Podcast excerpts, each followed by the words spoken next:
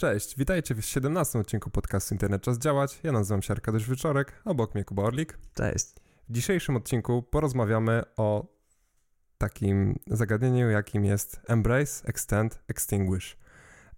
I jest to taki, taki termin e, używany głównie przez Microsoft wewnętrznie do tego, żeby rozszerzać pewne standardy, pewne rozwiązania, później je promować i tak dalej, a na końcu przez to, że sam Microsoft jest tak wielkim um, tutaj um, kompetytorem, e, uniemożliwiać e, działanie na polu innym, innym uczestnikom i w ten sposób zdobywa on taki monopol.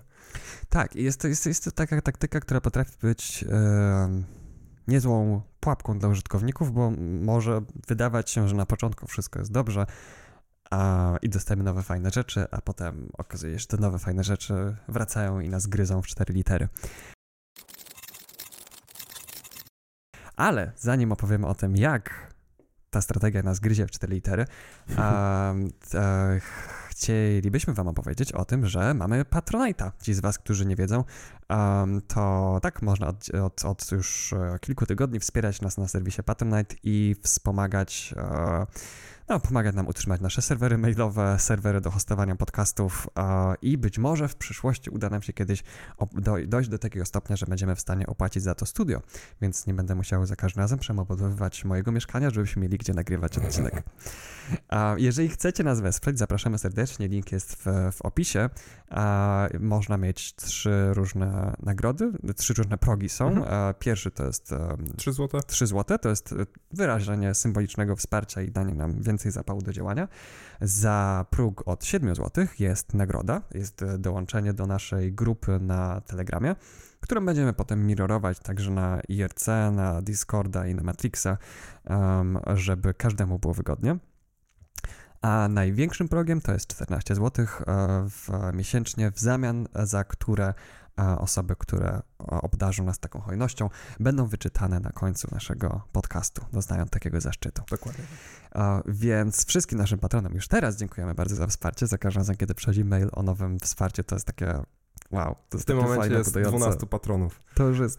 to już jest całkiem. Ja sobie myślałem, kiedyś tak, jak będzie mi tak trzech chociaż, nie? a tu mm już idzie tak fajnie, więc. Więc jeżeli chodzi o koszty serwerów i tego, gdzie utrzymujemy naszego, mm, nasz, nasz podcast, nasze filmy i um, i naszego Funkwayla, czyli miejsce, w którym wrzucamy odcinki naszego podcastu, już się to utrzymuje samodzielnie. Mm tak. z naszych pieniędzy, tylko Co, waszych. Jak, jak, będziecie mogli w stanie zobaczyć po ilości, jaką zbieramy miesięcznie na Patronite, to my absolutnie nie utrzymujemy się z tego i nawet nie mamy do tego aspiracji. Um, ale właśnie jak, jak powstanie tego jest taki samo utrzymujący się projekt, to, um, to by było mega. A, I odblokował nam także zasoby do tego, żeby jeszcze większe i ciekawsze projekty. E, w ramach naszej inicjatywy. No, ale do tematu. Embrace Extend, ja wolę to nazywać Embrace Extend Exterminate. Tak, to jest druga um, forma. Tak. Bo mhm. to, to, się różnie nazywa i to jest, to jest generalnie taki, um, jak, jak, kiedyś chyba w podcaście powiedziałem, że tego Microsoft wewnętrznie jakby wycie, w jakichś wyciekniętych dokumentach się pokazało, że oni tego używają, um, ale raczej jest tak, że, że, że to pojęcie powstało w trakcie um, postępowań sądowych, mhm. kiedy Microsoft był pozywany przez różne podmioty o zabiegi monopolizacyjne. Tak, i to chyba generalnie, generalnie w Stanach Zjednoczonych, nie? Tak, tak. tak przynajmniej podaje Wikipedia. Tam najwięcej... Department of Justice. Tam najwięcej Microsoft musi się mhm. martwić mhm. o, o, o, pozwy, jeżeli chodzi o, o monopolizację. Um, właściwie... Um, Chyba nie, te, teraz jakby wszystkie takie e, pozwy, które słyszymy od Unii Europejskiej raczej są targetowane na Facebooka, na takie social mediowe rzeczy, na Google'a, a na Microsofta jakoś niespecjalnie. Hm. To też, e, jeżeli chodzi o, o to, o czym za chwilę powiemy, to też nie jest ten sam target, tak jak mówisz, bo Microsoft tutaj nie zajmuje się social mediami, tylko mhm. właśnie chodzi o rozwiązania pod kątem oprogramowania, nie? Głównie. Tak, więc y, to to na czym polega to extend embrace? Ja? Aż embrace, pomyliłem się. Embrace, extend, extinguish, slash Albo Exterminate na końcu, Mhm. dobra. E, Po, po polsku myśleliśmy przed, pol- przed, e, e, przed początkiem odcinka właśnie jak to nazwać ładnie po polsku. Um, niestety nie zadziałał ten trik, że wpisujemy to po angielsku na Wikipedii i wybieramy tłumaczenie, bo nie ma artykułu o tym na, e, na angielskiej, na polskiej Wikipedii. Ale tak wy- wymyśliliśmy, że można to nazywać po polsku bardzo roboczo. E, Wdrożenie, rozszerzenie, zniszczenie. Zdeptanie, Tak. wygaszenie. Właśnie sobie Mhm. pomyślałem, że to były fajne trzy tytuły jakiejś serii, jakichś książek Stephena Kinga. No, no. Ale, e, ale poza tym e, to jest e, strategia, która działa jak? Y, Chodzi o to, że jeżeli na początku mm, przychodzi nam jakiś, jakiś standard, jakiś, jakiś produkt, czy generalnie coś, co jest powszechnie używane przez wielu użytkowników, na przykład na wielu różnych platformach, na wielu różnych systemach operacyjnych, przez wiele różnych programów, na przykład wspierany jakiś system plików, czy jakieś, jakieś, jakieś rozwiązanie, Mhm. no, bierze to jakaś firma, na przykład tutaj Microsoft, rozszerza to, przyciąga swoich nowych użytkowników, mówiąc: Hej, to jest coś takiego, to jest ten sam standard, który znacie, ale w naszym tutaj mm, ogródku możecie robić to i to więcej. I w, w, te- w tej fazie, gdzie to zaczynają mm, sobie to wszystko, z, za, zapraszają tych użytkowników, rozszerzają to przez najczęściej własnościowe rozwiązania, czyli takie, które nie można wykorzystać w innych ogródkach, jakby to Mhm. tak nazwać, w tych innych na przykład systemach operacyjnych. No i w związku z czym ten nasz, e, ta nasza firma, ten Microsoft wyrośnie do takich rozmiarów z tym roz, swoim rozwiązaniem, Mhm. że ma taką bazę użytkowników, że każdy jakikolwiek inny podmiot, który chciałby e, konkurować z nim i dostarczyć, nie wiem, tak samo rozszerzone to rozwiązanie, nie może, bo na przykład to rozwiązanie, które rozszerzył Microsoft jest już em, opatrzone ich em, zamkniętymi rozwiązaniami Mhm. i nie można tego wdrożyć u siebie. Można to zrobić na okrętkę i, i próbować coś z tym zrobić, ale no w ten sposób em, dochodzimy do tej trzeciej fazy, w którym Microsoft zadusza jakąkolwiek konkurencję i de Mhm. facto to, co on zrobił, staje się de facto nowym standardem Mhm. e, w branży, nie? I tak było z przeglądarką Internet Explorer. A kiedy tak, to... Tak, tak, tak. Chyba to toczyło się Java appletów, e, czyli tych wtyczek... Um, Netscape'a?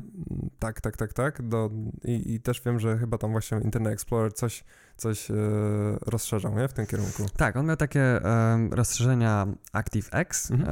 em, które były własnościowe i Microsoftowe i nie były uzgadniane z żadnym podmiotem standaryzującym. Konsorcjum. Mhm. I, I tak, no i właśnie, właśnie e, przez to, że Microsoft e, właśnie na przykładzie tego Internet Explorera e, wdrożył otwarty standard, Mhm. czyli HTML, który pozwala nam przeglądać strony niezależnie od tego, w jakiej przeglądarce jesteśmy, no to właśnie, bo jest, jest, jest, jest ten element rozszerzania i, i jakby jest, myślę, że jest bardzo kluczowe zrozumieć, dlaczego albo kiedy ten element rozszerzania jest zły, bo kiedy, nie, nie zawsze, kiedy e, wdrażasz jakieś rozwiązanie i rozszerzasz, to jest złe. To może być Mhm. także dobre czasem i z korzyścią dla użytkowników, ale w momencie, w którym mówimy o rozwiązaniach, gdzie szczególnie wrażliwym aspektem jest interoperacyjność, na przykład przeglądarki internetowe, e, no to wtedy rozszerzanie musi być albo wstrzymane, tak jak Gemini deklaruje się, że to nie będzie protokół, który będzie rozszerzalny, tylko będzie miał tylko ten zestaw funkcjonalności i nic więcej. Um, właśnie, żeby zapobiec tego typu um, zabiegom monopoliz- monopolizacyjnym. Um, albo, albo to rozszerzenie trzeba po prostu robić bardzo, bardzo ostrożnie. Um, I w szczególności, kiedy um, mówimy o rozwiązaniu, które poprzez wdrożenie otwartego standardu uzyskuje swojego rodzaju dominującą pozycję na rynku, um, to wtedy to rozszerzanie może odbywać się kosztem interoperacyjności. Mhm. Czyli na przykład Internet Explorer wdraża jakieś um, kontrolki ActiveX, jakiś tam system pluginów czy coś takiego um, i strony pisane tak, żeby wykorzystywały te nowe rozszerzone funkcjonalności, nie będą się wyświetlały prawidłowo w, w, w innych przeglądarkach. I czasem to może być kwestia taka, w przypadku Microsoftu, no to było, tak jak wspomniałeś, to były własnościowe wtyczki, czyli właściwie licencja prawnie chroniła Microsoft przed tym, żeby ktoś inny wdrażał te rozszerzenia i to mogło działać tylko na tych przeglądarkach, które są błogosławione przez Microsoft i tylko na tych systemach, które są błogosławione przez Microsoft. Um, więc e, no, w dzisiejszych czasach na przykład Linux tutaj byłby e, mocno wykluczony, nie? Um, I, e, I wtedy staje się taki de facto standard. Jeżeli, jeżeli, blokuje, jeżeli nie blokuje właśnie przed implementacją tego jakiś um, problem techniczny, um, no to może e, blokować problem ideowy, mhm. bo załóżmy, że teraz Microsoft wymyśla sobie, że teraz w Edge'u będzie jakiś, nie wiem, jakiś, no, zrobią jakieś rozszerzenie do HTML, że na stronach będzie w Edge'u można robić coś więcej. I teraz pytanie, czy Chrome powinien to zaimplementować? Czy Firefox powinien to zaimplementować? Nawet jeżeli Microsoft powie, hej, dajemy wam na to przyzwolenie, łaskawie, um, ale to nie było uzgodnione z konsorcjum zajmującym się standaryzacją z, um, protokołów sieciowych, mhm. um, no to wyobrażam sobie, że mądrym ruchem ze strony Mozilla, a przynajmniej słusznym, uh, byłoby uh, nie wdrożenie tego standardu, ponieważ tego de facto standardu, ponieważ to nie jest standard. Trochę pokrętnie myślę, że, to, że teraz moje myśli się, e, moje myśli mandrują, ale jeżeli chodzi o przeglądarki internetowe, to jest wiele takich rozwiązań, które no, jakby stricte użytkownik tego nie widzi. Jakby to z punktu widzenia programistów, że jest jakieś rozwiązanie, które w danej przeglądarce jest jakimś tam standardem albo oprefiksowane jest w jakiś tam sposób i można na przykład to wykorzystać, użyć, ale w innej przeglądarce to po prostu nie zadziała, bo nie jest to uzgodnione właśnie z konsorcjum. Ale wtedy użytkownik to widzi właśnie. A jakby mm, ja już na szczęście tego nie widzę bardzo często, ale wciąż e, różne uczelniane aplikacje na przykład miały coś okay. takiego, że tak, tak, tak, ta tak. strona najlepiej działa -hmm, w -hmm. Internet Explorer 8, bo inaczej po prostu nie będziesz mógł się zalogować albo coś takiego. No i to już użytkownik widzi, nie? Ale myślę, Miałem że... na myśli bardziej coś granularnego, tak, nie? Że, że, że, właśnie jest ta faza, kiedy tylko deweloper to widzi, a użytkownik jeszcze, jeszcze ale nie z tego, z tego myślę, że web GL-owe te wszystkie rzeczy na początku, kiedy Chrome to wdrażał tak bardzo agresywnie i mhm. rozszerzał i dodawał nowy, tak, to się nazywało chyba e, Chrome Web Experiments, czy coś takiego. Mhm. I tam na, właśnie na Chromie tylko i wyłącznie tam działało, e, wiesz, jakieś tam 3D wizualizacje robione WebGL-em, nie? Teraz już to jest chyba dosyć ustandaryzowane, ale mhm. też miałem wrażenie takie, że zostanie to rozszerzone do takich rozmiarów, że to tylko będzie działało w Chromie, nie? Mówisz na przykład to o czymś, co się działo z Google Earth, które mm -hmm, bardzo -hmm. długo tak, nie tak, tak działało tak, tak, na, na innych przeglądarkach niż Chrome. Um, jakby, myślę, że WebGL jest ustandaryzowany raczej i być może to była kwestia tego, że niektóre przeglądarki jeszcze nie nadążały. nie wiem, czy tutaj akurat bym się pokusił o, o zarzucanie Google'owi Embrace, Extend, Exterminate, ale jakby, żeby nie było, Google całkowicie stracił w moich oczach jakiekolwiek, jakiekolwiek zapędy do domniemania niewinności. No, generalnie... Cokolwiek oni wdrażają, a teraz będę zakładał, że to jest po to, żeby wydoić z nas więcej danych i pieniędzy. Y, to, co właśnie się aktualnie dzieje z rozwojem Google Chroma i mm. silnika Blink, który zarządza Google Chromem. I już wspominaliśmy to w wielu odcinkach. Mm. wiele przeglądarek, które są na rynku, tak jak Microsoft Edge, jak Opera, jak um, co tam jeszcze mamy? Vivaldi, Brave, etc., etc., wszystkie pod spodem mają ten sam silnik Blinka, mhm. czyli można to powiedzieć, że to jest um, ale to angielsko dzisiaj, Chromium-like, czyli właśnie ten silnik od Chromium, na którym stoi Google Chrome mhm. i wszystkie są, jak widać, kompatybilne z wtyczkami od Google Chrome z tego Web Store'a, nie? Mhm. Że możesz zainstalować sobie na przykład na takim Edge'u wtyczkę z Chrome Web Store'a, nie? No mhm. bo to jest kompatybilne, bo to jest ten sam silnik.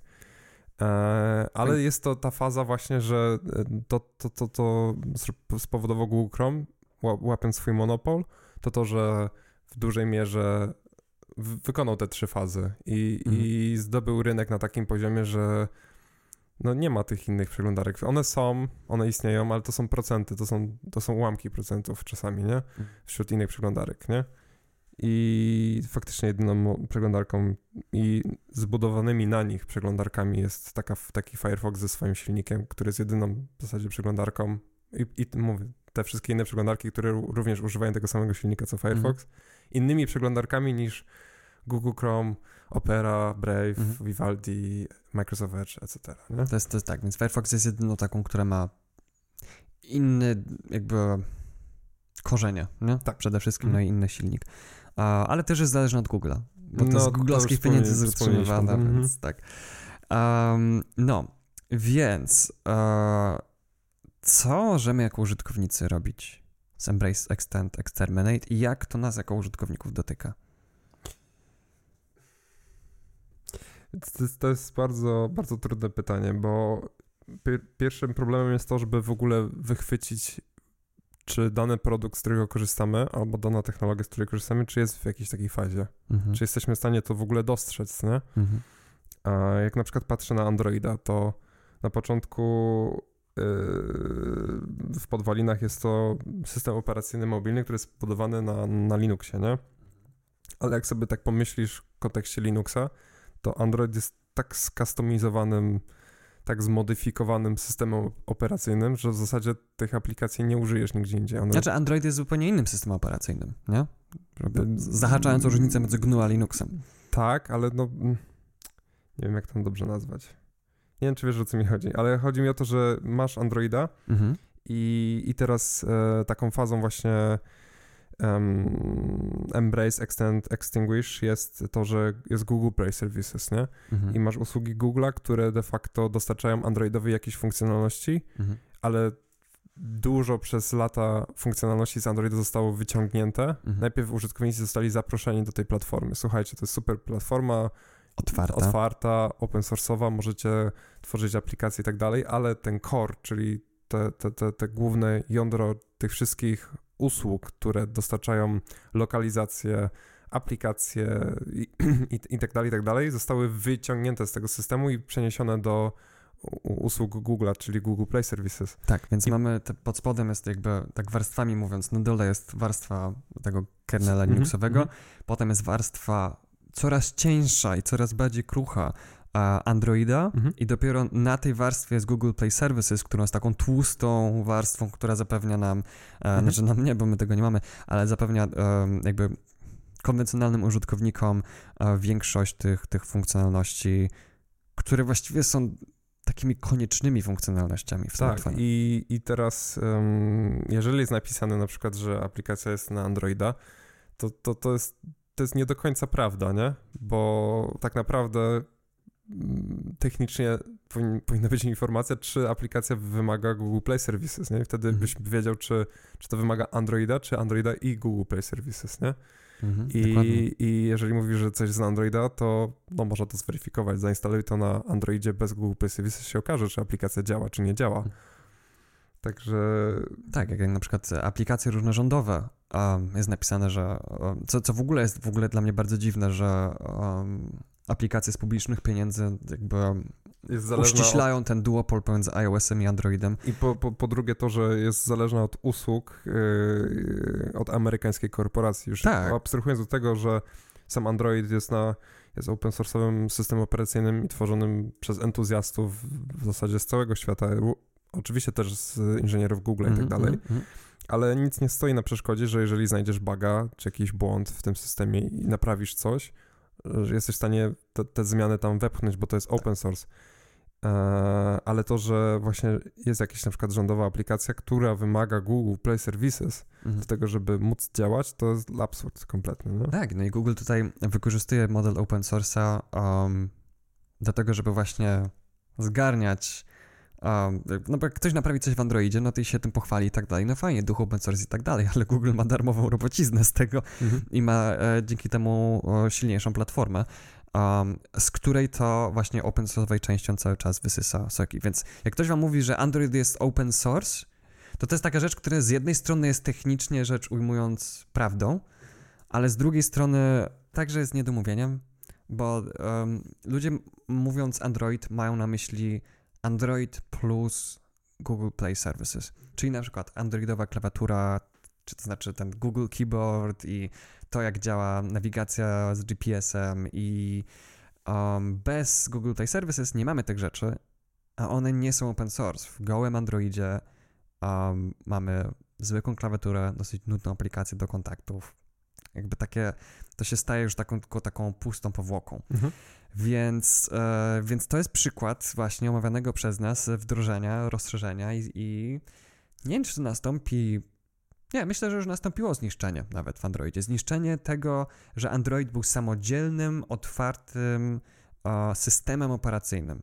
Tak, no i to, że w kolejnych iteracjach nowych wersji Androida to wszystko zostaje coraz więcej, większej ilości wpychane do Google Play Services. Tak, wyciągane z Androida mhm. i wpychane do Google Dokładnie. Play Services.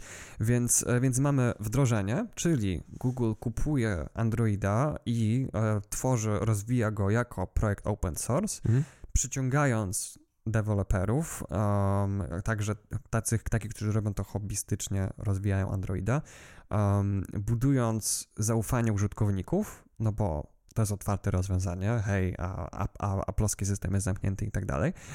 No i potem rozszerzając go w niekompatybilny sposób mhm. do własnościowych e, tych serwisów Google Play Services i niszcząc Androida, zostawiając z niego taką pustą, e, pustą powłokę i no i owszem, jakby tak z punktu widzenia licencji, to nie, nie łamią licencji Androida. No mogą wziąć open source'owy projekt i robić, ale um, tak samo jak w odcinku o, um, o pop-upach RODO zdałem sobie sprawę po jego nagraniu, że tak naprawdę mnie nie interesuje to, czy strona ma zaimplementowany pop-up RODO zgodnie z prawem, w sensie, że, że w sądzie by się obronił, czy nie. Mnie interesuje to, czy to jest e, pop-up RODO implementowany z szacunkiem dla mnie, użytkownika mhm. i innych użytkowników też. Um, I to, co Google robi z e, Androidem uh, i z tym wykradaniem funkcjonalności do Google Play Services, um, jest bez, moim zdaniem, bez szacunku dla społeczności deweloperów i bez szacunku dla nas, użytkowników, ponieważ uzależnia nas od określonego dostawcy. Mhm. Um, na szczęście jest bardzo dynamicznie prężnie działająca społeczność deweloperów, którzy tworzą wersje Androida, które są funkcjonalne bez Google Play Services. Um, I wow, jak dobrze, że tak jest, ale to jest. To nie jest dzięki Google'owi, to tak. jest pomimo Google'a. Um, I to mm, warto wspomnieć, że jest to funkcjonalnie tożsame, nie? że możesz mieć mapy bez Google'a, możesz e, instalować aplikacje bez e, Google mm, Store, Play Store i, i inne tego typu rozwiązania, nie? To jest, Mieliśmy cały odcinek o tym. Tak, więc um, myślę, że to, to wyczerpuje, jeżeli chodzi nasz temat, jeżeli chodzi o Androida. Mhm. Um, wspomniałeś też o Edge'u i tak sobie teraz pomyślałem, że uh, Microsoft Edge trafił dopiero na Linuxa, kiedy przeszedł na silnik od Google Chroma. Mhm. E, I to też jest taki z jednej strony, bo można powiedzieć, po co, po co Microsoft Edge na, na Linuxie, nie? Jest Edge na Linuxie? Tak, jest Edge na Linuxie. Po co? I właśnie z jednej strony jakby, jak myślisz tak dewelopersko, nie? To wystarczy, że przetestujesz w zasadzie tę stronę na Google Chrome i na Firefoxie, bo no, większość i tak będzie miała ten, to, to samą, mhm. ten sam silnik, więc już, nie, już teraz naprawdę nie ma znaczenia, jak to się wyświetla na Edge'u, czy jak to się wyświetla na jakiejś innej takiej przeglądarce. Bo, tak bo będzie tak samo jak w Chrome. Bo będzie tak samo jak w Chromie ale y, nie potrafię znaleźć clue, po co użytkownikom, którzy nie korzystają z Microsoftowego stosu technologii, mhm. przeglądarka Microsoft Edge na ich systemie operacyjnym. Z jednej strony to jest fajne, bo ok, jeżeli faktycznie jesteś użytkownikiem, który korzysta z różnych systemów operacyjnych i tak jak możesz we Firefox użyć Firefox account i synchronizować się na każdym Firefoxie zainstalowanym na wszystkich urządzeniach, no to tak samo możesz pewnie zrobić to tutaj, korzystając z chmury Microsoftu. Ale tak poza tym to mm, ja na przykład nie widzę zalet. Nie? Jakby po, po, oprócz tego nie widzę zalet takiego zwykłego użytkownika, który używałby tylko wyłącznie Linuxa, mhm. bo na Maca też jest chyba Microsoft Edge. E, czy na przykład Maca, nie? I, I, w jakim celu miałby używać tej przeglądarki, nie? Nie wiem. Jeżeli jest wśród was słuchaczy czy widzów ktoś, kto korzysta z Edge na Linuxie, um, to niech do mnie zadzwoni, z chęcią się dowiem, po co to robi. Ale jakby ja jako użytkownik Linuxa nie jestem sobie w stanie wyobrazić, po co miałby być mi Edge, bo jakby powody, z których korzystam z Linuxa, a jakby są, no, powodują, że nie będę powodował, nie będę korzystał mhm. z Edge'a. Um, ale myślę, że on nie ma służyć użytkownikom. Myślę, że skoro korzystają już z ko bazy kodu, która um, działa na Linuxie i działa na macOSie, no to im jakby im, proporcjonalnie niewielkim kosztem mogli zrobić przeglądarkę, która działa także na Linuxie. I można powiedzieć, że Microsoft love Linux. Dokładnie, tak. A, a mhm. przecież e, jakby no, no, próbują nam sprzedać tej idei, że Microsoft lubi Linuxa, że kocha Linuxa nawet, nie? Um, pomimo tego, że e, to gdzieś był nawet taki cytat, że, że ktoś z Microsoftu porównał Linuxa do, do nowotworu. Znaczy to jeszcze było w tym takim starym, e, s, e, starym Microsoftie, bo oni teraz mają wizerunek takich open source'owców i tak dalej. Um, I co to, co to oni nie za Linux e, wykręcają. Ale e, no, właściwie to, to jest ciekawe, bo na przykład cała, cała chmura ta ażurowa stoi na Linuxach, a nie na Windowsach, bo e, Z tego, z tej prostej przyczyny, że w przypadku systemów Linuxowych dostęp do mm, czasu odczytów z dysków twardych, dostęp do plików jest, jest lepiej Rozpracowany, procesów i tak planowanie dalej. procesów i to, jak żyją w ogóle procesy w systemie operacyjnym, jest lepiej zaprojektowane w Linuxie. Hmm. A, no i wydajnościowo superkomputery w większości stoją na Linuxach Tak. właśnie z tego powodu, nie? A, Więc też mi się wydaje, że w- Mhm. w kwestii serwerowych, jeżeli e, no, serwujesz użytkownikom pliki, tak jak my na przykład serwujemy podcast i pliki MP3, żeby ktoś mógł sobie posłuchać naszego podcastu, jest to na serwerze Linuxowym, właśnie z tego powodu, że czas dostępu też do tych plików jest znacznie niższy niż na, na, na Windowsach, nie? mhm. Więc... E, A w temacie Microsoftu jest e, także e, VS Code. No właśnie zapisałem tu na to nie będę ci tego kradł. Okej, tak. e, ja jestem aktywnym użytkownikiem, ale nie VS Code, tylko właśnie wersji z open source'owanej tak w pełni, czyli VS Codium. Mhm. A jest Ale to, wytłumacz, no właśnie. tak, jest to edytor plików tekstowych, czyli taki edytor do tworzenia, do, do programowania de facto. to- Mhm. Możesz go rozszerzyć o różne wtyczki i generalnie zbudować sobie swoje narzędzia do pracy na co dzień, do kodzenia stron, do programowania i tak dalej. Jest on, jest open source. jest open source yy, i VS Codium jest um, FOSS, więc jest wolnym i otwartym A czym oprogramowaniem. się różni VS Code od VS Code? No właśnie, chciałem powiedzieć. Okej. więc w VS Codium e, mamy telemetrykę od Microsoftu i dodatkowo e, VS Code telemetry... mamy telemetrykę? VS Code mamy telemetrykę. E, I ona służy do tego, żeby pobierać raporty od użytkowników, żeby Microsoft wiedział, jak ten program działa i co tam się dzieje. Mhm. Ale po drugie są wtyczki, których już nie da się zainstalować na wersji VS Codium, a przynajmniej nie da się zrobić tego w prosty sposób. I jest to specjalnie stworzone przez Microsoft. Z jednej strony wydajemy edytor, tak jak właśnie stworzyliśmy edytor do edycji plików, do programowania i tak dalej. Mhm. Możecie go rozszerzać, macie tutaj wtyczki, twórzcie własne wtyczki i tak dalej. My tu stworzyliśmy parę wtyczek, zobaczcie, tutaj są fajne wtyczki, można tam ten, dostosować sobie swoje środowisko pracy. Mhm. No i jest już ta faza ostatnia, właśnie widać tą wasę Exterminate, w którym są wtyczki, które już nie da się wykorzystać w tej wersji w pełni open source'owanej, nie? Czyli właśnie, bo jeszcze myślę, że warto sobie opisać, czego dotyczy ta faza exterminate, czy extinguish, czy ta faza Mhm. zniszczenia. Ona em, dotyczy się nie tego produktu, który został rozszerzony, tylko jego bezpośredniej konkurencji. No to tak jak wspomnieliśmy na początku, masz kompetytorów, właśnie tych przeciwników, przeciwników, um, Konkurentów? Współ, konkurentów, współzawodników na, na rynku, czyli właśnie tutaj masz um, VS Codium, ale też z tego co wiem, to twój Emacs, czyli inny edytor tekstu, również potrafi chyba instalować też wtyczki z pochodzenia z VS Code'a. Tak, jak to w Emacsowym stylu jest, to nie jest sprawa jednego kliknięcia, ale tak to jest wykonywalne Tak. i robię to.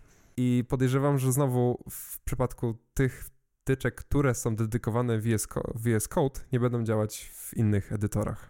Czy VS Codium, czy takim Emacsie. Który... No tak, no bo to są wtyczki robione pod... e, to Aha, jest- chodzi o te, chodzi te- o o te te fazy. autorskie. Tak, tak, tak. No właśnie, no bo o, też i ja od samego początku mówiłem, nie wchodźcie w VS Code, to jest pułapka.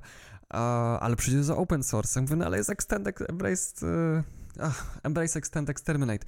Um, i, no i właśnie teraz to postępuje. I generalnie to, to, to, to, o, czym, e, to, to, to, o czym mówimy teraz dotyczy wtyczki do um, programowania w Pythonie.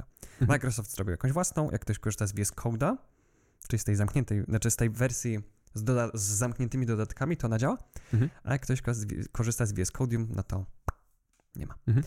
A, więc już się zaczyna e, pojawiać ta ciemna strona rozszerzania, bo właśnie rozszerzanie potrafi być dobre. No tak, Ale- oczywiście, że w tym, w tym edytor jest em, w przypadku właśnie takiej frontendowej pracy, to, to jest po prostu świetne narzędzie, nie? Bo a, możesz sobie naprawdę ułatwić pracę, przyspieszyć pracę i zautomatyzować w dużej mierze swoją pracę Tak. programistyczną, nie? I e, ale właśnie nadchodzi ta mroczna strona rozszerzania, um, która mówi, że nie będziesz korzystał z open source'owej wersji, jeżeli chcesz pełną, pełną, pełny zestaw funkcjonalności. Mhm. Um, a Microsoft, uh, właśnie, bo to jest też dziwne, bo VS Code jest wypuszczony za darmo. Um, więc co Microsoft miałby z tego, że wypuszczałby no to jest całkiem niezły edytor, jest bardzo szybki, jest no, kompatybilny z tymi wszystkimi najnowszymi, wiecznie A zmieniającymi się webowymi technologiami. Przerobi, biorąc nasze kariery frontendowe i takie ogólnie związane z webdevem, to przerobiliśmy dużą, duże pole różnych aplikacji Oj, tak. do, do, do tworzenia tego tekstu i Skończyliśmy na dwóch różnych miejscach. Na dwóch różnych miejscach? Eee, no bo też e, ja bym chętnie korzystał z Maxa, ale krzywa wejścia jest... Jest bardzo stromo. Miałem już dwa podejścia i się nie udało, może kiedyś. E, ale y, faktycznie VS Code to jest jeden z takich aktualnie edytorów, które działają, działają płynnie i szybko, a jak był wcześniej y, od GitHuba Atom, no i Microsoft kupił mm. GitHuba. A tam był taki e, ciężki. Po drodze. E, I jeszcze Sublime Text, on całkiem dobrze działał. Ale nie był otwarty. Nie był otwarty i, i widzisz, jednak jest postęp, jeżeli chodzi o te edytory, nie? I mm. faktycznie stąd też e, duża liczba użytkowników poszła w VS Code, bo... Tak, i moim zdaniem to jest ocieplanie wizerunku. Mhm. Wiesz, bo teraz nawet Linuxiarze, których znam, Zdwaniam się z nimi na wideo, udostępniam ekran, bo to szkodzimy i tak dalej. Bum, VS Code. Nie? I to już jest taki, takie coś, co myślę, że jakbym jeszcze, nie wiem, z 10 lat temu mówił jakiemuś hmm. zaciętemu Linuxiarzowi, że będzie pisał strony w narzędziu od Microsoftu, nawet jeżeli to, i, i, i, będzie to robił na Linuxie, to, to bym powiedział, tu się stuknij, nie? Ja, ja też miałem, jak pierwszy raz widziałem VS Code i wiedziałem, że to jest od Microsoftu, mhm a, Masz te wspomnienia z Visual Studio. Z, z tym, tym wielkim, ogromnym IDE pakietem, który służy do całkiem innych rzeczy i do tworzenia innych wielkich aplikacji. Jak to widziałem u kogoś, nawet na Linuxie u kogoś, jako zdeklarowany Linuxiarz od wielu lat, jak to widziałem u kogoś na Linuxie, miałem takie no dlaczego? Jest tyle innych edytorów, ale później sam zacząłem korzystać z tego sprawy, że hej, on działa szybko, mhm. więc y, on rozwiązuje mój podstawowy problem, że edytor ma działać w pełni responsywnie i szybko, nie? Tak, więc ja też tak sobie myślę, jak, jak na przykład patrzymy na tych uh, użytkowników uh, z lat 90., którzy padli ofiarą, uh, czy tam wczesnych 2000, którzy padli ofiarą um, tej pułapki wdrożenia, rozszerzenia, zniszczenia od, um, od, od Microsoftu i wpadli w sidła Internet Explorer 8, co myślałem, pff, co za głupi ludzie, mhm. nie? Ale... Um, Historia ale, zatacza koło.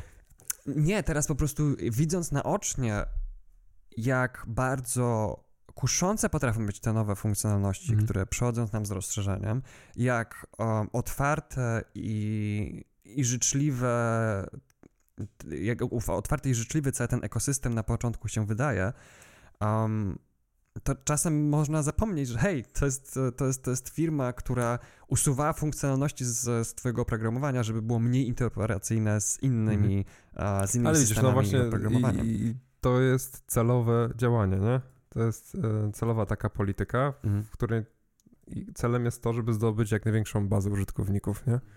A biorąc pod uwagę to, że używam tego VS Codium i nie ma tej telemetryki, zastanawiam się, co jest tak naprawdę wysyłane w tej telemetryce, która jest w tym oryginalnym edytorze. No? Hmm. To można pewnie jakoś sprawdzić. Tak. Um, niemniej jednak, uh, tak, ty, to jest pułapka, która ma tyle subtelności w sobie. Jest bardzo, bardzo trudno to wychwycić, zwłaszcza jak jest się um, osobą, która chce po prostu korzystać z technologii i nie musi się tym przejmować. Mhm. Ale niestety w, żyjemy w takich czasach, w których nadużycia ze stron firm technologicznych są tak wszechobecne, że jeżeli będziemy chcieli technologię, która tylko działa, ja proszę nie chcę o niej myśleć, mhm. um, to będziemy kopani i gryzieni w cztery litery przez nie non-stop i będą nam zabierane kolejne funkcjonalności, będą nam zabierane kolejne możliwości, kolejne swobody i będą mhm. nam zabierane kolejne pieniądze, których nie musielibyśmy wydawać. I, I w tym kontekście właśnie takie ascetyczne podejście do technologii plusuje de facto. Co masz na myśli? No bo w, w przypadku teraz korzystasz z zamkniętego oprogramowania, wszystko ci działa, ale nie jesteś świadom, nie jesteś świadom ty jako na przykład taki użytkownik, nie, nie jesteś świadom tego, że twoje dane zostaną do czegoś wykorzystane, chociaż na przykład zapłaciłeś za produkt, bo zdarzają się już też takie sytuacje, że jako użytkownicy masz jakieś zamknięte oprogramowanie, płacisz pieniądze, Mhm. ale ta firma dalej wykorzystuje twoje Doi dane, cię, nie? tak. Doi cię. A ostatnia sprawa z mm, tym portalem do książek, o kurczę, jak to się nazywało? Leg- Legimini? Legmini? To jest taki portal, który sprzedaje e-booki i książki w Polsce. I tam jest abonament i możesz w tym abonamencie otrzymywać, e, no mieć dostęp do jakiejś tam bazy książek i tak dalej. Mhm.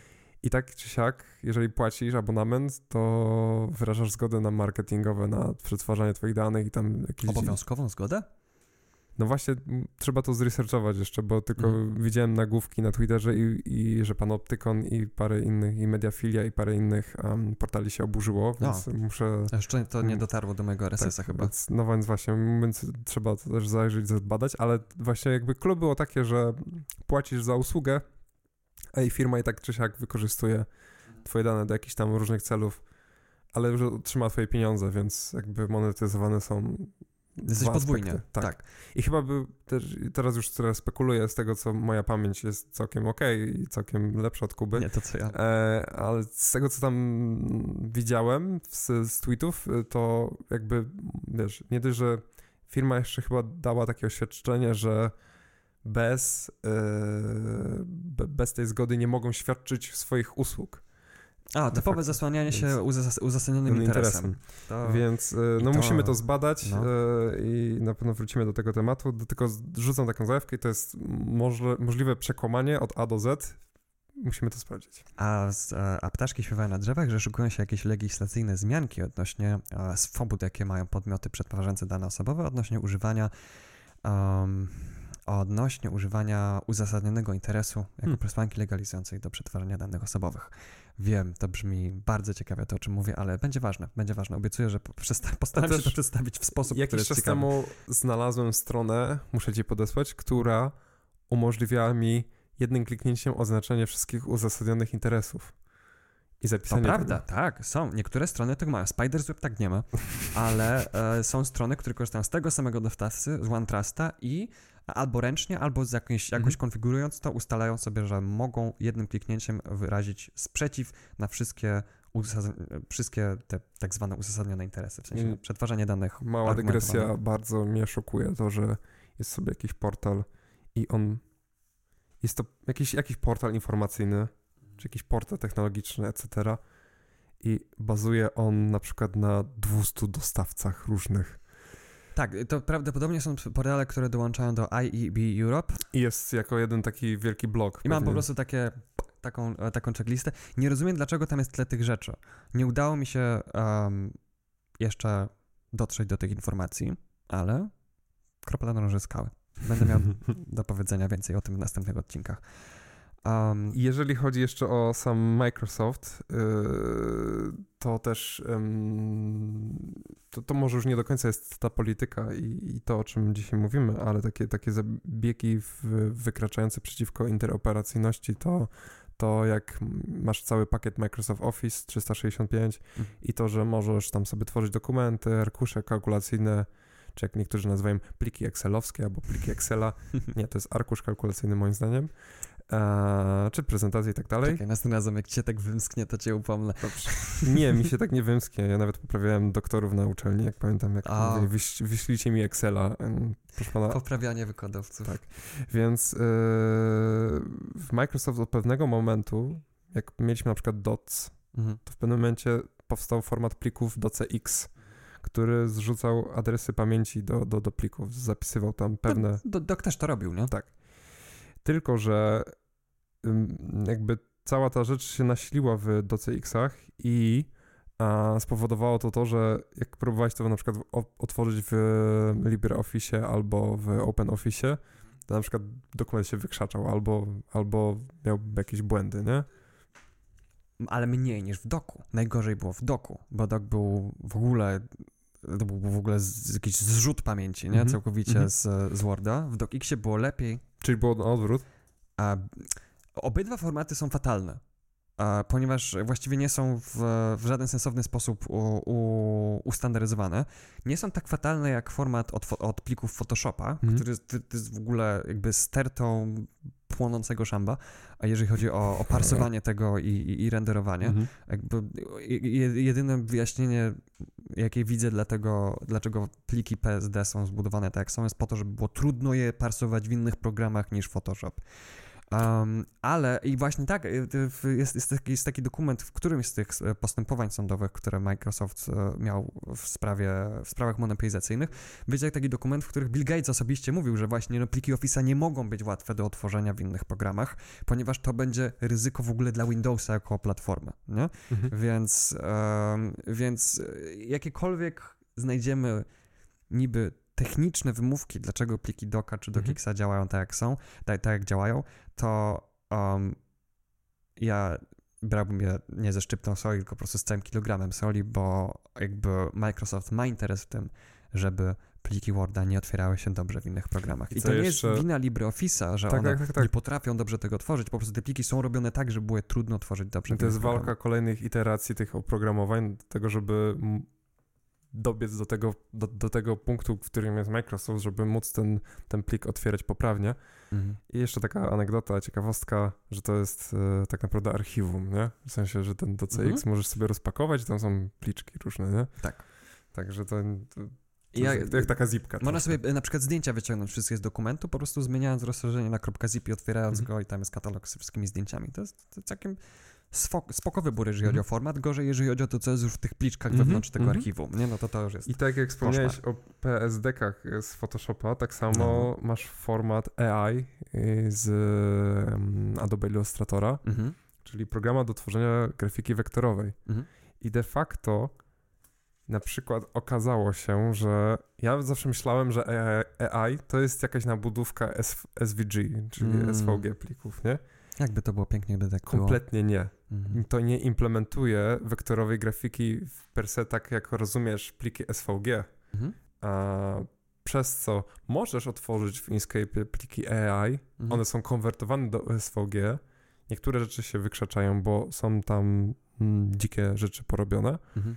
I tak samo w drugą stronę, jak próbujesz w Illustratorze włączyć plik SVG, to nie zawsze wszystko się dobrze otworzy i automatycznie to, co próbuje zrobić e, Illustrator, to to, żeby przekonwertować od razu SVG do AI. Tak, ale tutaj... I- Mhm.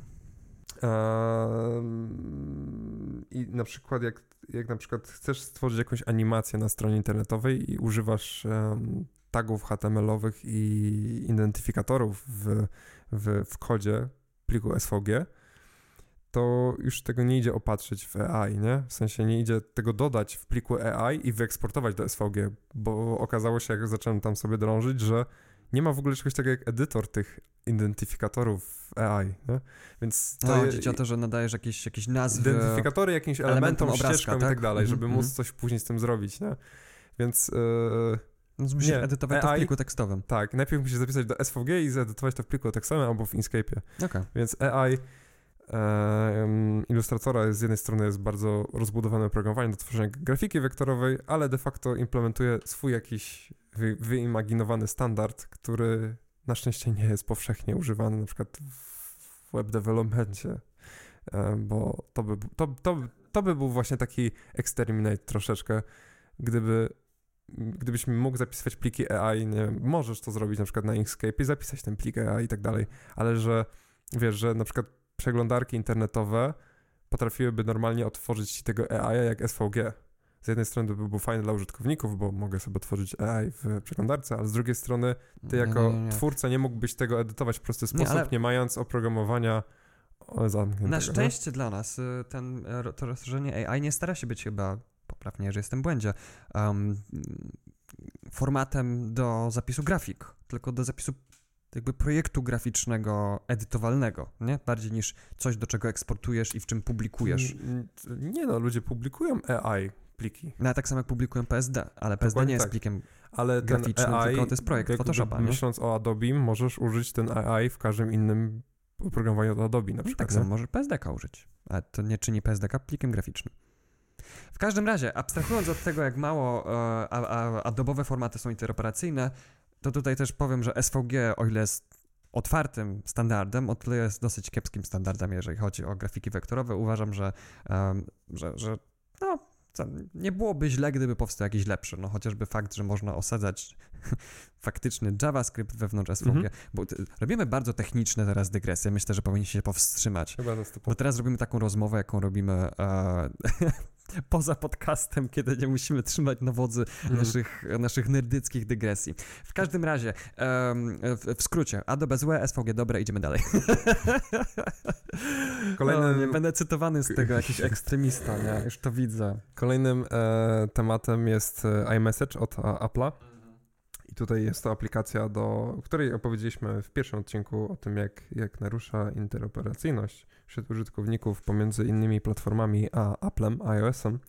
Ale to, co warto tutaj wspomnienia, to to, że e, jest to no, po prostu aplikacja do wysłania SMS-ów, ale umożliwia, ma, ma pewne rozszerzenia, które są wzbogacone na iOSie, jak na przykład dodawanie emoticon dla, dla jakiejś wiadomości, jakiejś reakcji i tak dalej, mhm. informacje o tym, czy nie dość, że czy wiadomość została dostarczona, to czy ten inny użytkownik iPhone'a ją odczytał, czyli mamy fazę właśnie tam rozszerzania i tak dalej, czyli jest to aplikacja do SMS-ów, przegadaliśmy aplikację do SMS-ów, rozszerzyliśmy ją, a teraz yy, Apple zapowiedział, że nie wyda tego w życiu na Androida, nie? Czyli... No to, to, znaczy wyciekło, że oni celowo nie zrobili um, aplikacji na Androida i nie zrobią, ponieważ nie chcą żeby rodzice na przykład mogli kupić dziecku telefon z Androidem, bo, to by, bo to musi się wiązać z tym, że oni nie będą sobie w stanie gadać na czacie grupowym z całą rodziną, nie? Mhm. na iMessage. Ale w tym, w, tym, w tym iMessage jest o tyle ciekawe, że, że tu jest strategia, właśnie zastanawiałem się, gdzie Apple robi extend, embrace exterminate, um, na odwrót, embrace, extend, exterminate um, i zdałem sobie sprawę, że Apple dokłada jeszcze, um, jeszcze jeden krok albo podmienia -hmm. uh, i robi wdrożenie, zmuszenie, rozszerzenie i zniszczenie. Znaczy, wdraża. Dlaczego uważasz, że to jest wdrożenie, e, zmuszenie? Wdraża aplikację -hmm. do mhm. SMS-ów. -hmm. Następnie zmusza użytkowników iPhone'a do korzystania z niej. Nie możesz przeglądać SMS-ów w mhm. innej aplikacji na iOSie.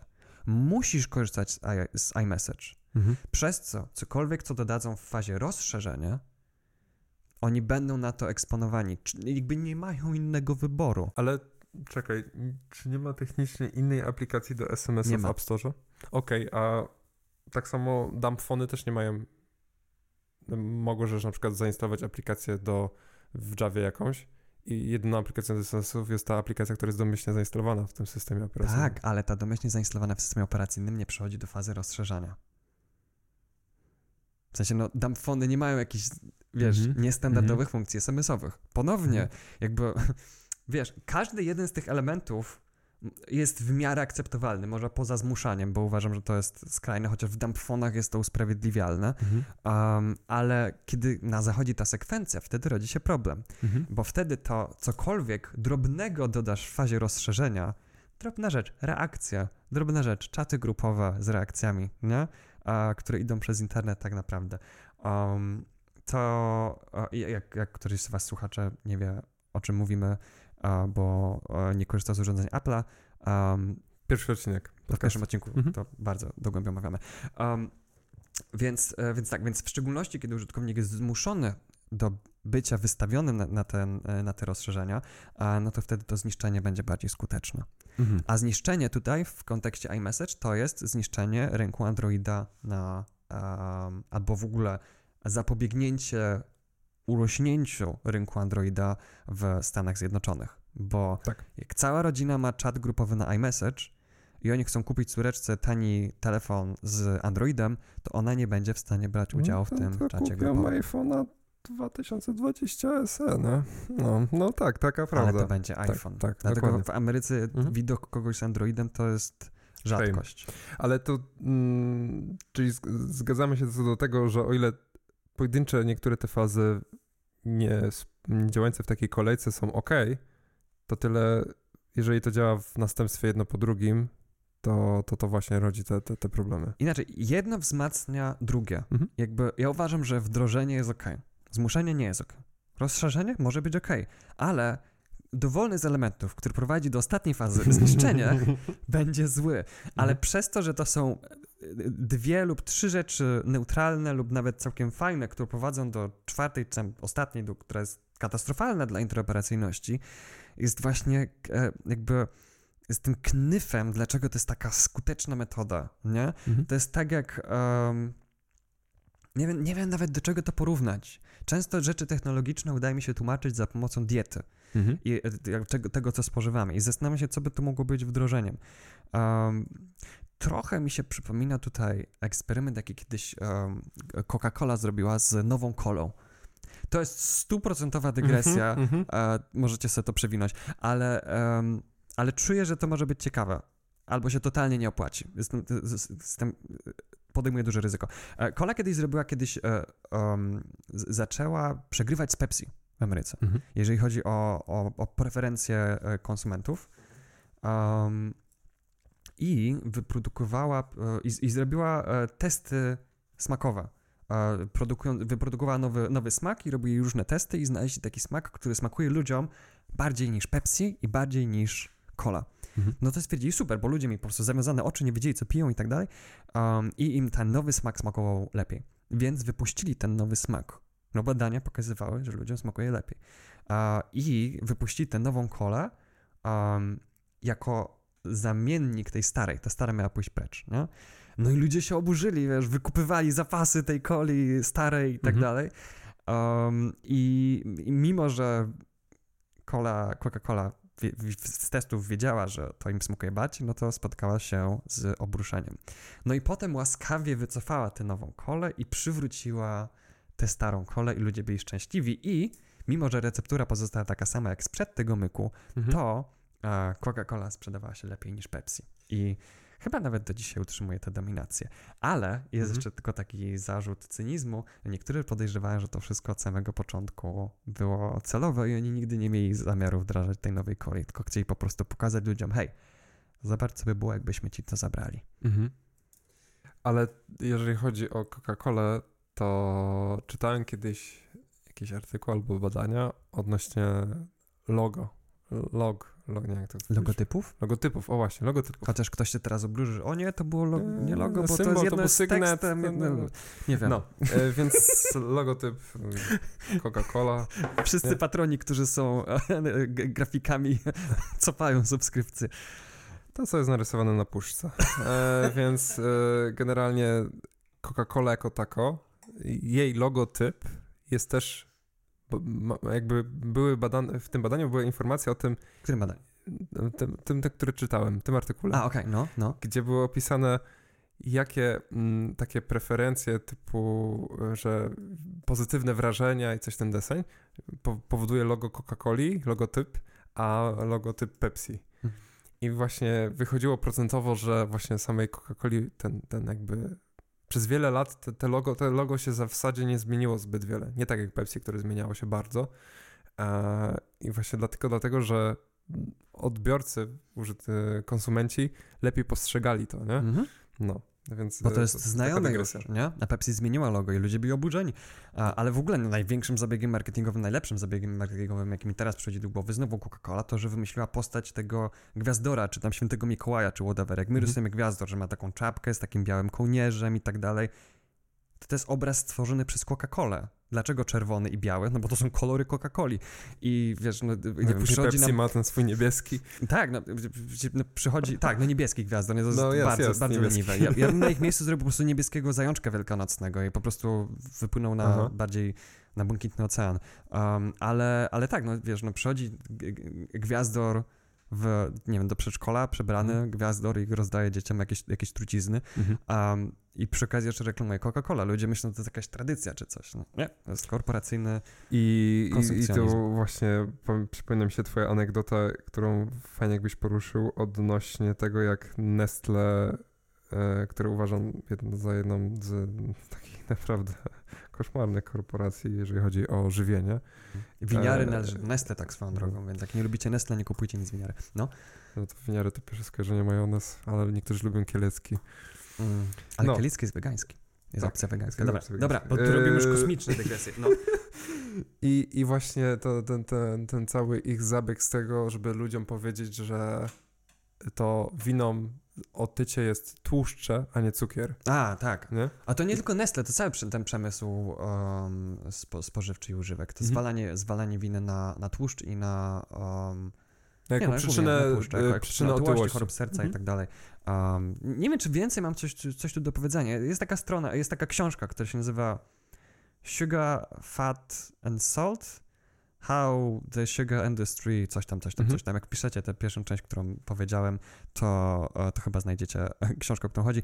Ale to już, to już wykraczamy poza tematy Mhm. technologiczne. Ale niemniej jednak zobacz, jak te dygresje wskazują, że nie jesteśmy w stanie mówić o technologii bez nazywania pewnych strategii um, tego, jak korporacje wpływają na nasze postrzeganie ich produktów, na nasze postrzeganie tego, co uznajemy za zdrowy styl Mhm. To się życia. nie dzieje tylko i wyłącznie w technologicznych e, rozwiązaniach. Nie? Tak, tak, tak, Mhm. tak, tak, tak, jakby, jakby więc, więc, więc no będziemy prędzej czy później zahaczali o to o, o, w, nie, nie, w nieunikniony sposób, Mhm. bo no, bo z jednej strony wiem, że korporacje to są ludzie, nie? I że to są ludzie, często inżynierowie, którzy, wiesz, no naprawdę dobrze znają się na technologii i niejedno widzieli, ale z drugiej strony z tych wszystkich decyzji, z tych wszystkich pieniędzy, z tych wszystkich akcji, z tych wszystkich giełd wychodzi bardzo często coś, um, co, co, co, co, co w ostatecznym rozrachunku moim zdaniem sprawia, że dostajemy z roku na rok coraz gorszą technologię. Mhm.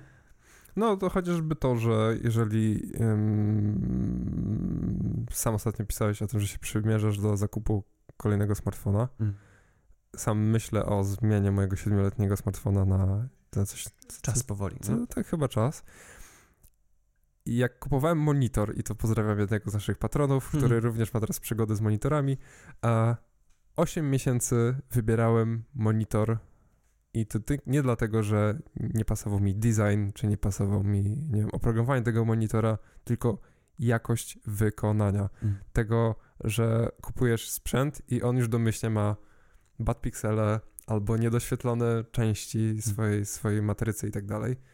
I to też pokazuje, jak, jak korporacje na przykład tną koszty, nie? żeby Mhm. jak najtańszym kosztem wyprodukować coś, sprzedać to jako super rozwiązanie, Mhm. A de facto e, dostajesz taki produkt, który nie, nie wiesz do końca, czy spełni twoje oczekiwania i jesteś na takiej pozycji troszeczkę stracenia. Chociaż zamawiając przez internet możesz zwrócić to i bez, bez, bez, bez koszt, bezkosztowo, Poza reguły. czas. poza czasem, który cię kosztuje, nie? I tak, bo ja, ja, ja myślę, że jest. Jeżeli byś zrobił sobie taki wykres jakości sprzętu, jaki mamy, no to mamy. Um, no wiadomo, są takie chińskie po prostu chłamy, nie? Mhm, Które mhm. nie działają.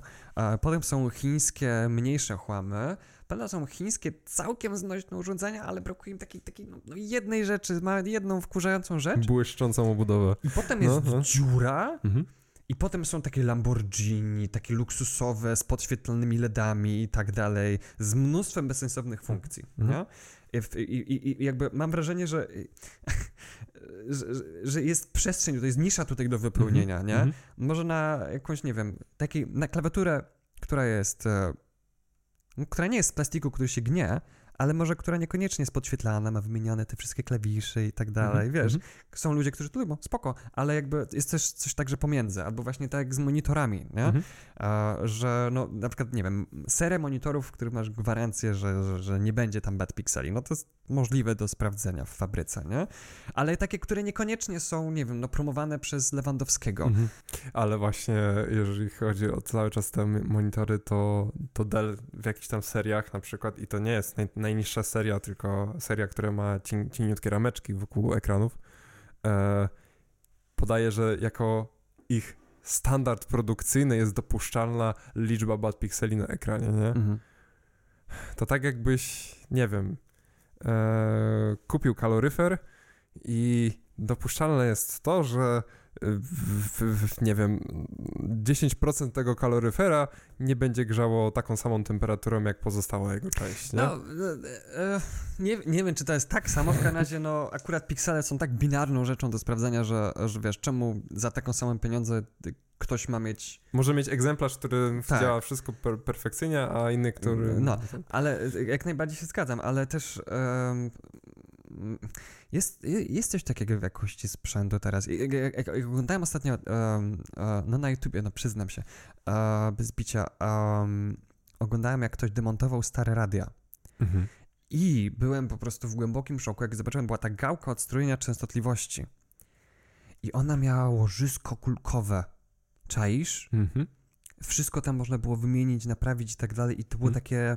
No, po prostu było widać po prostu, że to chodzi jak, jak masło, nie? To nie po prostu plastik nadziany na aluminiowy bolec, tylko to było zrobione z taką starannością. Mhm. I już brzmię, jak wiem, jak zdziadziały pierd, ale, ale no, no, mam wrażenie, że kiedyś do jakości przywiązywano większą uwagę. No i też widzę to po urządzeniach starych, które um, trzymają się długo, nie? No przecież moja, moja ciocia do teraz miesza ciasto na chleb a, e, takim mikserem jeszcze z, z czasów NRD, nie? Mhm. Mhm. A, t- Ja, a ja przykład, nie mam żadnego kuchennego urządzenia, które przetrwało więcej niż 5 lat. ja mam, Chociaż to może mówić więcej o mnie niż o ja na moich przykład urządzeniach. mam ThinkPady, które, e, laptopy takie mm, od Lenovo, wcześniej IBM-a, a, ale to już po, po połączeniu, po wcieleniu się Lenovo, znaczy IBM-a do Lenovo z tymi ThinkPadami, no to to są laptopy, które u mnie mają, jeden ma chyba z 13 lat, drugi Mm. będzie miał z 15 Mhm. i te komputery działają i co więcej, są jeszcze przez samą markę i serię są uznawane za takie komputery niezniszczalne albo przynajmniej bardzo, bardzo wytrzymałe. Tak jak, tak jak mówiłeś o, tej, o, te, o, o, o- tym wykresie, to, to co widzę w tym, tym, tym wielkim wyskoku, gdzie jest ta, ta nisza, którą należy wypełnić, Mhm. jakbym dzisiaj kupował laptopa, to, to, to, to, to, generalnie konsumenci stoją przed takim dylematem, nie? Bo możesz kupić tani komputer, który będzie miał taką konfigurację, jaką chcesz, ale jakość wykonania będzie, no, Mhm. no, no, pożal się. Masz maki, które będą w większości przypadków są dobrze wykonane. Też coraz gorzej jest I- ostatnio. I są wpadki, ale jakość wykonania jest na, na, dosyć wysokim poziomie. Mhm. No i masz właśnie to całą przepaść, w którym Mhm. Masz na przykład jakąś ilość gotówki, która nie, nie dochodzi do tego poziomu co Mac, ale jest znacznie większa niż ten tani chiński laptop i w zasadzie nie wiesz, co masz kupić, bo, bo ten rynek jest tak rozmyty, że ciężko doradzić nawet komukolwiek. Ktoś mnie pyta, hej, jaki mam kupić komputer, jaki mam kupić laptopa. Nie, Tak. nie wiem. Jede, jednym z ważnych czynników, który myślę, że tutaj jest, e, jest istotny i którym może będziemy mogli zrobić cały odcinek. Um, kontynuując dygresję, myślę, że nasi słuchacze i widzowie pogodzili się już z faktem, że już od, od dłu- długiego czasu nie mówimy o Embrace Extend, Exterminate i raczej nie będziemy do końca odcinka, ale jest, jest fakt o tym, jakie parametry urządzenia są napisane na etykiecie, którą widzisz. Mhm. Um, pamiętam, że kiedy próbowałem kupić laptopa, próbowałem kupić laptopa, naprawdę chciałem, um, to było bardzo trudno znaleźć, czy ten ekran jest, czy ekran tego laptopa jest matowy, czy jest półbłyszczący, czy jest Mhm. błyszczący. Mhm. Coś, Ale jest za to m- miałeś informację, że jest y, cieniutki jak kartka tak, papieru, cienkość była. I jest właśnie, lekki i, I właśnie, rzeczy, i, i właśnie jeżeli piszemy o tym, czy ten laptop ma e, nie wiem, pi- 15 mm czy 16, to jest coś, co Apple lubi, lubi robić, nie? Po prostu robi plakat z MacBook jest taka miarka 16 mm. Jakby, jakby cienkość była no już po prostu tym, ale jak to się powtarza wiele razy, no to potem klient tego chce, no bo myśli, że po prostu miarą jakości laptopa jest jego cienkość, no i potem idzie do sklepu i mówi, poproszę laptopa, ale taki, że no 16 mm grubości to max, nie? Mogę, mogę, nie wiem, nie wiem jakie teraz są grube laptopy, chyba, chyba są trochę grubsze, ale wiesz, ale wiesz o co chodzi, tak samo jak było z megapikselami w aparatach. Mm, Dzień dobry. ojej. Chciałbym kupić aparat. No dobrze, jaki? No to jak je porównać, nie? Czy być może kwestią odzwierciedlenia kolorów, albo e, tam miarą jakości, czy, czy, czy, czy, czy jakością obiektywu szerokokątny, czy... Nie, ile ma megapikseli, nie? Ma być liczba i ma być dużo. Albo, Albo jaki jest zoom. Chuda, albo, jaki jest zoom, tak. No. I to jest, y, no to, to też jest teraz wciskane we wszystkie możliwe smartfony, bo no, z jednej strony jest pewien pułap megapikseli, który powoduje to, że no, ten obraz ju- już jest ładny, czy jest jakiś akceptowalny i tak dalej, ale już od pewnego poziomu, teraz jestem amatorem, nie robię profesjonalnych zdjęć, ale no właśnie odnoszę takie wrażenie, że wciśnięcie 108 megapikseli w smartfona, który ma tej wielkości e, matrycę, no nie oszukasz fizyki, w sensie na dzień dzisiejszy, na dzisiejszą technologię może kiedyś się to zmieni, ale no, no nie, no ta lustrzanka, która ma 40 megapikseli czy 20, a ma znacznie lepszy, większy obiektyw i, i, i, pełną klatkę, czy cokolwiek to tam jest, no to zrobi lepsze zdjęcie, nie? Um, nie do końca, bo teraz smartfony, jakość zdjęć na smartfonach nie zależy tak bardzo teraz od sensora. No tak, tego, ale cały od... czas mówię o, o, o, o tym, że mówię o technicznych y, aspektach. Jeżeli masz teraz oprogramowanie i kilka obiektywów, które łączą to i robią magię, bokeh i Ale co to użytkownikowi robi? Czy jakoś zdjęcia pochodzi od y, jakości matrycy, czy od jakości tego wbudowanego No nie, Photoshopa? właśnie zmierzamy do tego, że w dużej ilości przypadków jest to taki marketingowy bełkot, który ma przyciągnąć użytkowników do tego, żeby kupił ten, a nie inny smartfon. A, to tak, jak najbardziej, zgadzam się. To, to chciałem powiedzieć. Tak, to jest, ja, ja czekam, aż będzie pierwszy smartfon, który będzie miał 16 obiektywów. I... Jeszcze chyba nie ma. Ale... Ja myślę, że to jest tylko kwestia czasu. No. W końcu będzie, wiesz, bo teraz była ilość megapikseli, teraz będzie ilość obiektywów, nie? Chciałem kupić no. telefon. Jaki? Taki pięć obiektywów co najmniej. Pięć albo sześć już jest na pewno. Pięć, pięć jest na pewno. E, sześć też będzie, bo tak, sześć będzie na pewno. No, już i... widziałem smartfony z dwiema kamerami z przodu do, do, do selfie. Także będzie coraz więcej tych pasków czarnych, kropek na ekranach, które nie mają ramki. No. E, no o właśnie, to, też bardzo ciekawym dla mnie metryką, jaką jest zmierzony smartfon, jest proporcja ekranu do powierzchni um, po, mhm. powierzchnia e, wyświetlacza do ekranu. Mhm. O, po, po, mhm. po, powierzchni wyświetlacza do powierzchni ekranu. Dlaczego to jest dla ludzi ważne? No bo, bo mm, jak kiedyś ludzie się śmiali, e, znaczy masz na przykład stare tablety siedmiocalowe, Aha. nie? No i one mają jakąś tam przekątną, jakąś tam wielkość, no i są ramki. Mm. I to jest ta proporcja. I teraz w przypadku telefonu, który ma prawie 7 cali, mhm. ale nie ma żadnych ramek, a on będzie znacznie mniejszy. On będzie wielkości w zasadzie tego ekranu, tego tabletu, a nie jeszcze plus tej ramki. No, I to jest, ja, ja, ja to jest sobie zdaję sprawę z tej zalety, ale dochodzi do tego, że ta, że ta metryka jest tak maksymalizowana, że są telefony, które mają krawędzie ekranu tak blisko, mhm. że ja sięgając kciukiem do góry, Mógłbyś naduszam... Nie, ja naduszam krawędź... E, dolną częścią dłoni. Nie wiem, jak to się nazywa.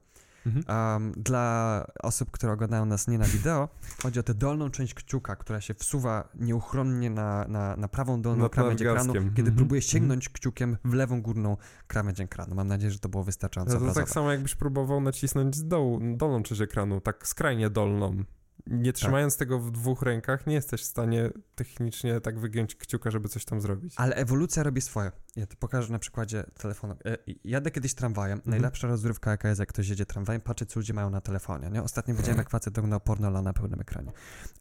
ale, e, ale to nie jest o tym. widziałem, jak dziewczyna miała olbrzymi smartfon. Najpierw rozmawiała na niego, musiała na zmianę przy, przykładać słuchawkę i mikrofon, bo było większe od jej twarzy ale ona miała coś takiego, bo teraz też miała mało twarz, ale było mm -hmm. też coś mm -hmm. takiego, że ona jak wysuwała, ona trzymała go na piątym palcu. Mhm. to była długa podróż tramwajem. Ona trzymała go na piątym palcu, żeby jej się nie wysunął i miała problem, żeby sięgnąć do powiadomień. Przynajmniej moim zdaniem miała problem, musiałaby używać drugiej ręki, jak tak smartfona dwoma rękoma używać. Więc ona potrafiła, trzymając ten piąty palec tutaj, ja sobie pomogę teraz prawą ręką, ona to robiła bez tego, tym drugim palcem zrobić takie puk, tak go wygląda, tak, tak, tak, żeby wysunąć te powiadomienia. Um, słuchaczom nie wytłumaczę tego, poza tym, że po prostu wykonywał jakiś taki nieludzki, nieludzkie wygięcie dłonią. Słuchacze zapraszamy do odcinka wideo. tak, to jest, to jest naprawdę, nie. Szczerze mówiąc, nie, że specjalnie warto to oglądać, to o czym teraz mówię, bo to jest e, setny poziom dygresji, ale, e, ale może tak, może po prostu ja już mam po prostu, wiesz, nie mam dłoni, nie mam dłoni nastolatka i te smartfony nie są dla mnie, nie? Mhm. Um, o czym to miał być odcinek? O... Embrace, Extend, Extinguish. I ty I to jeszcze, mówisz w dobrej kolejności, zazdro. E, no bo to moja pamięć. Um, I właśnie... Na wiesz, szczęście zapomnę, że mi tak pocisnąłeś. Ojku.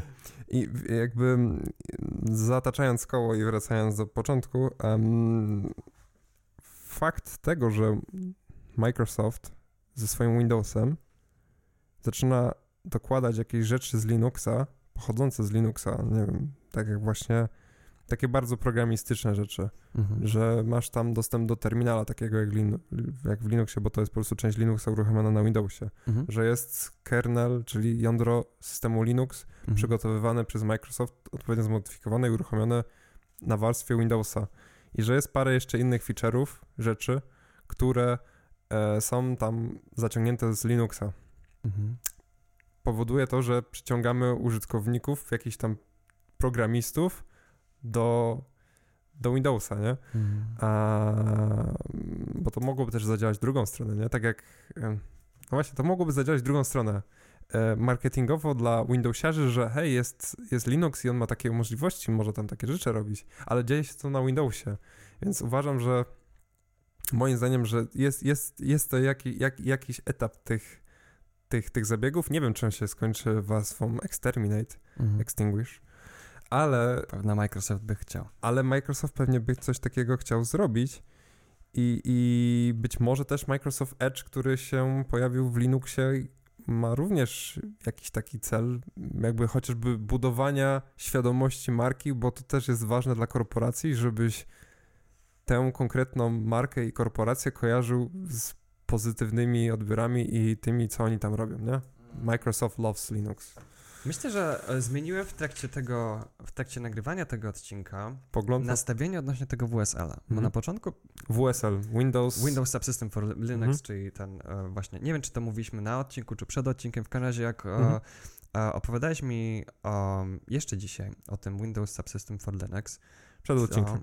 to, e, to ja to broniłem. Mówiłem, że hej, nie każde rozszerzenie jest złe, nie każde wdrożenie jest złe i to może być dobre, ale um, i nie byłem sobie w stanie wyobrazić, w jaki sposób to mogło być szkodliwe, że możemy uruchamiać teraz Linuxowe aplikacje na Windowsie w dużej mierze. Um, ale ale mówimy tu o Microsoftie, Mhm. który niczym sobie nie zasłużył na nasze zaufanie. To, co raz. powiedziałeś przy VS Code, nie? Tak. Mm. Tak, właśnie, właśnie to mi pomogło zauważyć tę sprzeczność, bo jak, Mhm. jak, jak, jak e, staram się przyznawać do tego, że mogłem coś myśleć inaczej kiedyś, e, ale no, wyobraźmy sobie taką sytuację. Microsoft wdraża e, Linuxa, więc duża część devów na przykład hipotetyzuje teraz, przynosi się na Windowsa mówiąc, że no to właściwie po co mi Linux? I potem e, rozszerza jakoś te integracje pomiędzy Windowsem i Linuxem. Na przykład, nie wiem, integruje to z jakimś paskiem start, czy z menedżerem okien, czy z Cortaną, że możesz mówić Cortana create React app i ona tworzy ci stronę internetową. Um, I te rozszerzenia będą już nieprzenaszalne na Linuxa. Mhm. I następna faza, zniszczenie, nie tyczyłaby Linuxa ani interoperacyjności pomiędzy Linuxem a Windowsem, tyczyłaby nawyków odnośnie wyboru systemu operacyjnego To użytkownika. I tak. mogliby wziąć użytkownika, który jest przyzwyczajony do systemu, w którym jest wszystko konfigurowalne, zapraszają go systemem, który jest mniej konfigurowalny, ale który rysuje bardzo grube cudzysłowie w powietrzu, wszystko działa, Mhm. um, rozszerza go e, i następnie jak już jest e, całkowicie złapany i robi kurtaną te aplikacje webowe, to oni dają mu reklamy w terminalu. A, Animowane. całkiem możliwe. Wyobrażasz sobie, Mhm. I- i- Ja uwielbiam terminal. Włączam terminal, jest czarne tło i system się nie pyta, co chcesz, żebym zrobił. Wyobrażam sobie, że będzie kiedyś tak, że włączasz terminal na Windowsie i pokazuje się, cenimy twoją prywatność. Ale mam nadzieję, że to się nie spełni. Ja ci mówię, słuchaj, większość moich żartów Tak. się w końcu sprawdza. Mamy na to określenie po wymyślonym słowie po niemiecku. Ty- ty- Znaczy, to chyba jest prawdziwe słowo, czekaj. To było albo elf, albo zwölf, bo ja po prostu numerowałem Zwölf. po niemiecku różne takie, takie zjawiska. A Tak, tak. e, elf to było coś znacznie innego i smutnego, więc to nie będę zwłaszcza na, pod koniec odcinka opowiadał. Ale tak, ale tu, tu, tu, tu o, tak, tu sobie robię, te- zrobię sobie zakładkę na tym odcinku i będą gotowe, jak tylko będą pierwsze pop-upy o RODO w terminalu, Mhm. to będę ready. I właśnie tutaj cały czas zakreślam jeden fakt, że powiedziałeś o tym, że możemy odpalać aplikacje Linuxowe na Windowsie Mhm. nie? Przez, ten, przez tą fazę integracji. E, I w domyśle myślimy o tym, że niesie to za sobą jakieś pewne negatywne konsekwencje w przyszłości, że może się coś takiego zdarzyć, jak na przykład reklamy w terminalu. Hmm. E, ale teraz z drugiej strony masz e, Linuxa, na którym możesz zainstalować Wina i to jest taka Mhm. fajna aplikacja, która dostarcza ci znowu w drugą stronę warstwę Windowsową i ten zestaw bibliotek Windowsowych na system Linuxowy i umożliwia ci uruchomienie jakiejś gry czy programu Mhm. na Linuxie. I te gry czasem na Linuxie działają szybciej niż na Windowsie na tym samym sprzęcie. Więc yy, to pokazuje, że to są, to są totalnie inne rozwiązania i służą do innych celów, ale jeżeli byś chciał uruchomić jakąś aplikację Linuxową tu na Windowsie, a tam na Wine, to widzisz, że na, na, na Wine, który jest zainstalowany na Linuxie, jeszcze raz. Jeżeli chciałbyś odpalić aplikację Linuxową, detektowaną Linuxowi na Windowsie poprzez to rozwiązanie WSL, Mhm. a odpalić aplikację Windowsową, która jest dedykowana na Windowsa na Linuxie poprzez Wine'a, Okej. to widzisz, że e, ten Wine jest stworzony właśnie przez entuzjastów, jest open source'owy i, i, i, i, ludzie pracują na tym, żeby wyłuskać, żeby ten, nie wiem, ten Photoshop na Linuxie się uruchomił. Mm.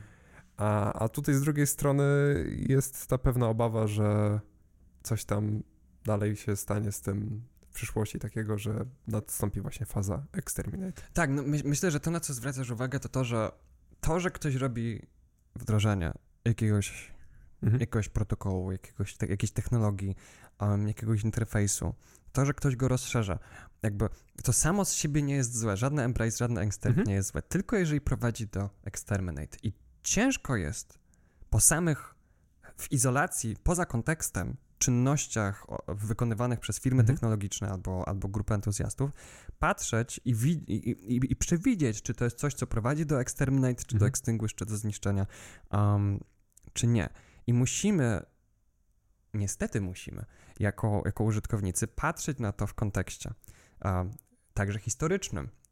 Jak ta firma Mhm. wcześniej sobie radziła z wdrażaniem i rozszerzeniem? Czy potem następowało e, na przykład zniszczenie? E, jeżeli tak, Mhm. no to Mhm. może, może warto nie ufać na słowo, że oni tym razem nie. Um, I o, wiem, zapomniałem powiedzieć jednej ważnej rzeczy. E, przykro mi słuchacze, którzy w obliczu 20 naszych dygresji um, stwierdzili, że już nie będą słuchać, ponieważ oni chcieli słuchać o wdrożeniu, rozszerzeniu i zniszczeniu. Ale e, Google ze swoim Google Readerem, Mhm. e, piękna sprawa, wdrażanie otwartego standardu RSS, rozszerzenie, integracja z Google+. Mhm. I następnie zniszczenie. I w tym wypadku ta aplikacja była genialna, bo zniszczyła samą siebie. E, licząc, że e, prawdopodobnie ja to tak to jest domniemanie, ale, em, ale sorry, Google, nie zasługujesz sobie na domniemanie Mhm. niewinności w moich oczach. Um, a żeby właśnie promować Google Plusa. No się tak fajnie zbiegło w czasie. Nie? Zamykamy Google Readera, tutaj macie Google Plusa. No, jak to się skończyło, to, to wszyscy wiedzą. Tak, i em, To tak nawiązując do, Do tego plusowego- naszego artykułu. Tak, Zachęcamy ja, ja opatrzę go, ja, ja go zestawię, bo ja, ja za- zawsze chciałem opublikować artykuł o treści Google, zamyka Google Graveyard a, i moje marzenie się spełniło. E, e, tak, e, byłem nahypowany, myślałem, że to po prostu będzie hit wykopu, nie. Dostaliśmy jeden komentarz i chyba dwa zakopy. Um, a więc dopiszę tylko do nagłówka, że to było prima aprilis i myślę, że to pozostanie w naszych archiwach. Um, I e, a, a nad czymś zabawniejszym my pom- pomyślimy na następny rok. Albo nic nie zrobimy.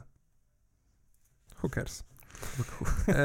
No myślę, że nasi słuchacze trochę tak. I ja no. właściwie też. Mm. Więc całkiem, całkiem. No dobra.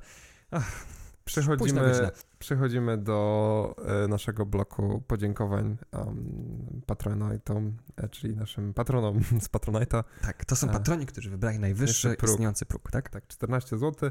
Um, jest to Zbyk Gałęza, Ernest Wiśniewski, Grzegorz Cichocki, Marcin Mikołajczak, Josani, chyba tak to się czyta, e, Maciej Nowak, Piotr Losy, Krzysiu Weiss i to tyle. I dziękujemy również serdecznie pozostałym naszym patronom. Dziękujemy Wam za Wasze hojne dary. Um, I wiem, że to mówię za każdym razem, ale autentycznie, jakby sama myśl, że jesteście gotowi wiecie, no, sięgnąć do portfela i przepisać ten numer karty kredytowej, że wam się ch- chce nas wspierać, a buduje moje przekonanie, że, że wbrew temu, co mi wszyscy mówili, że ludzie nie chcą słuchać o prywatności, e, że ludzie po prostu chcą rzeczy, które działają, Działają. i tyle, Mhm. że jednak jest to temat, który, um, o którym warto rozmawiać. I na koniec e, zapraszamy Was serdecznie do e, subskrybowania nas na PeerTube, na YouTubie, em, na Funkwailu, na, na wszystkich różnych aplikacjach do słuchania podcastów, Spotify, Google Podcast, Apple Podcast, no, no zawsze mam taką bekę, jak wymieniam te nazwy. E, I tak, i generalnie do komentowania, bo czekamy od, na, na, na, od Was na komentarze, maile, na niektóre, które jeszcze nie odpowiedzieliśmy, na pewno odpowiemy. Jest e, bardzo dużo zamieszania aktualnie i staramy się to opanować, także wszystko w swoim czasie i Damy każdy, kto do nas napisze, każdy otrzyma odpowiedź. Obiecujemy. A zwłaszcza jest fajnie, jak ktoś napisze maila. To mam takie, mam takie poczucie, ha, ktoś... To jeszcze działa. Tak, że ludzie, ktoś ludzie maile piszą. Dokładnie tak. No. Więc, a, no, nieźle meandrowaliśmy w tym odcinku, um, ale ja się dobrze bawiłem i myślę, że to jest najważniejsze. Żebym ja się dobrze bawił. Ty? Sorry. że, że, że, że, żeby była jasność, my zawsze mamy jakiś temat odcinka, ale nigdy nie wiemy, gdzie on powędruje, dlatego też nigdy nie wiemy, jaki będzie tytuł na samym starcie. Ten tytuł wygeneruje się właśnie teraz po, po przesłuchaniu całości i zebraniu tych wszystkich myśli. Także No dzisiaj, E. dzisiaj, da, dzisiaj daleko popłynęliśmy, ale tyle też dawno nie nagrywaliśmy podcastu, bo mieliśmy dosyć dużą przerwę z różnych okoliczności. Teraz raczej wrócimy do bardziej regularnego rytmu, więc um, no, może e, jak już się wystrzeliliśmy z wszystkich dygresji, to następny będzie bardziej uporządkowany. Dobrze. Trzymajcie się i do zobaczenia. Cześć.